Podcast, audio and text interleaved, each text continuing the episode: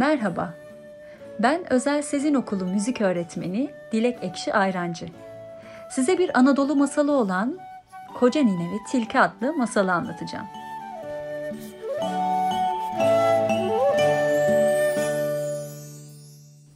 Bir varmış, bir yokmuş.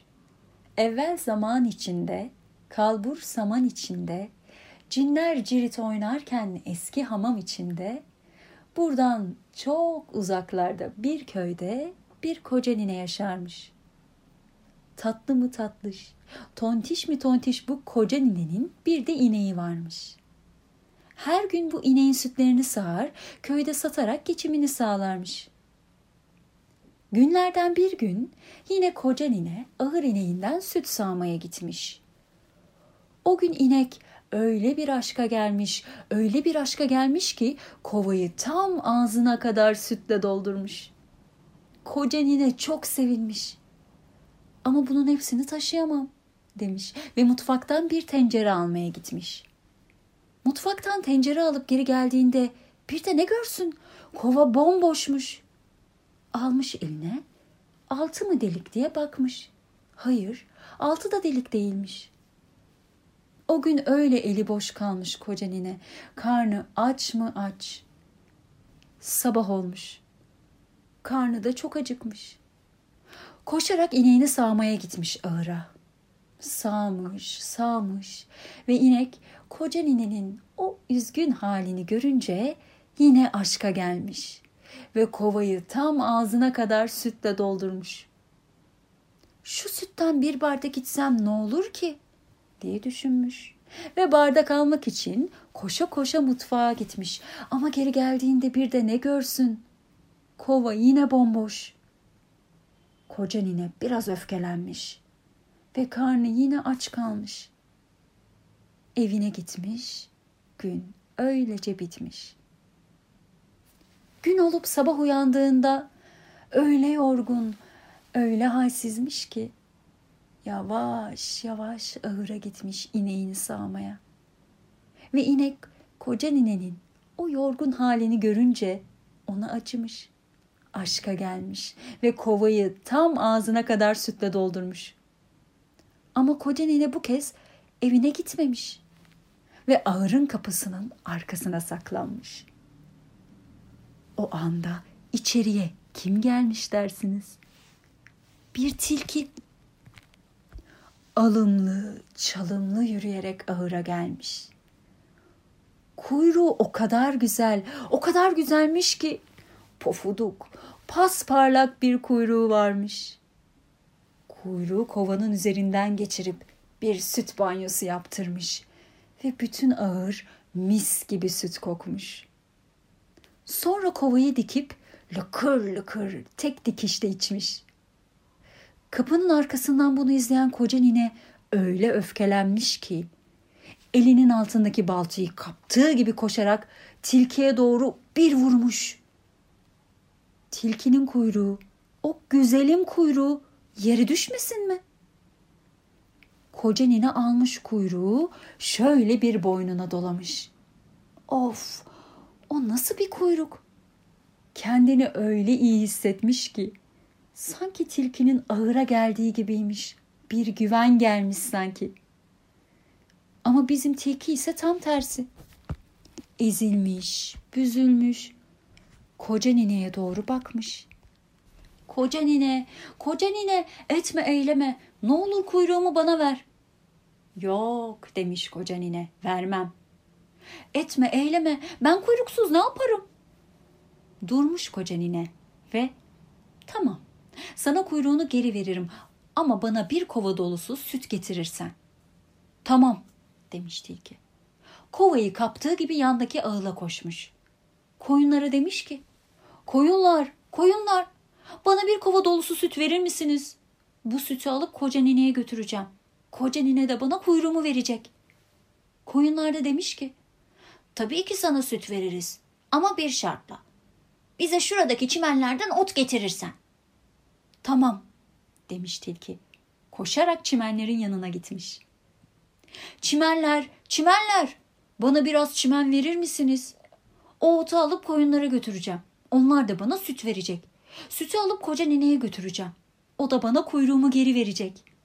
Çimenler, tabii ki sana ot veririm. Ama bir şartım var. Şuradaki genç kızları görüyor musun? Onları bizim üzerimizde dans ettirirsen veririz. Çünkü onlar bizim üzerimizde dans ettiğinde biz çok mutlu oluyoruz. Tamam demiş tilki. Koşarak kızların yanına gitmiş. Kızlar, kızlar gidip şu çimenlerin üzerinde biraz dans eder misiniz? Siz dans edince onlar bana ot verecek. Ben de o otları alıp koyunlara getireceğim. Otları verince onlar bana süt verecek. Ben de sütü alıp koca nineye getireceğim. Koca nine de bana kuyruğumu verecek. Kızlar demiş ki, tabii, tabii biz o çimenlerin üzerinde dans ederiz, seve seve. Ama bir şartla. Eğer bize inci kolye getirirsen. Tamam, demiş tilki. Yorulmuş bir halde kuyumcunun yolunu tutmuş. Kuyumcunun dükkanından içeri girmiş. Kuyumcu, kuyumcu, bana üç tane inci kolye verir misin? O kolyeleri alıp kızlara götüreceğim. Kızlar çimenlerin üzerinde dans edecekler.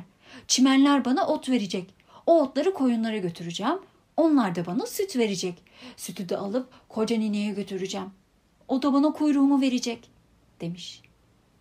Kuyumcu şöyle bir bakmış tilkiye.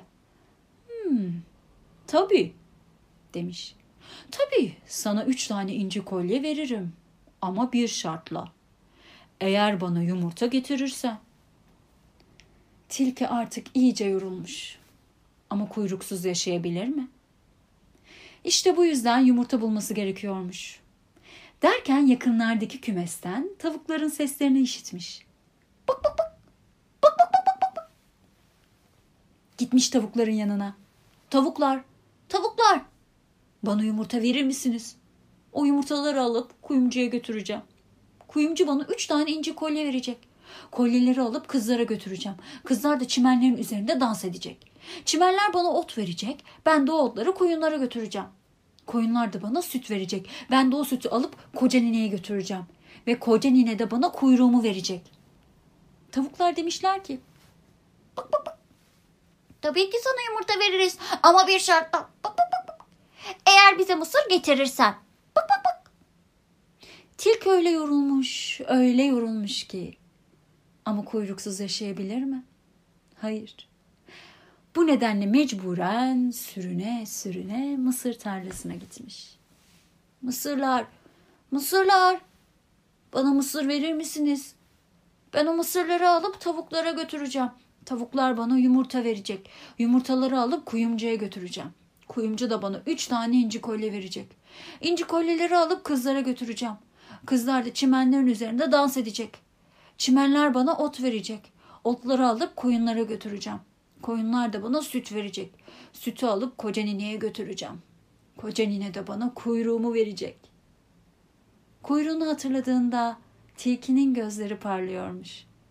Mısırlar demişler ki, tabii, tabii ki biz sana mısır veririz ama bir şartla. Bir iç çekmiş tilki. Oh, nedir şartınız? Bize su getirirsen.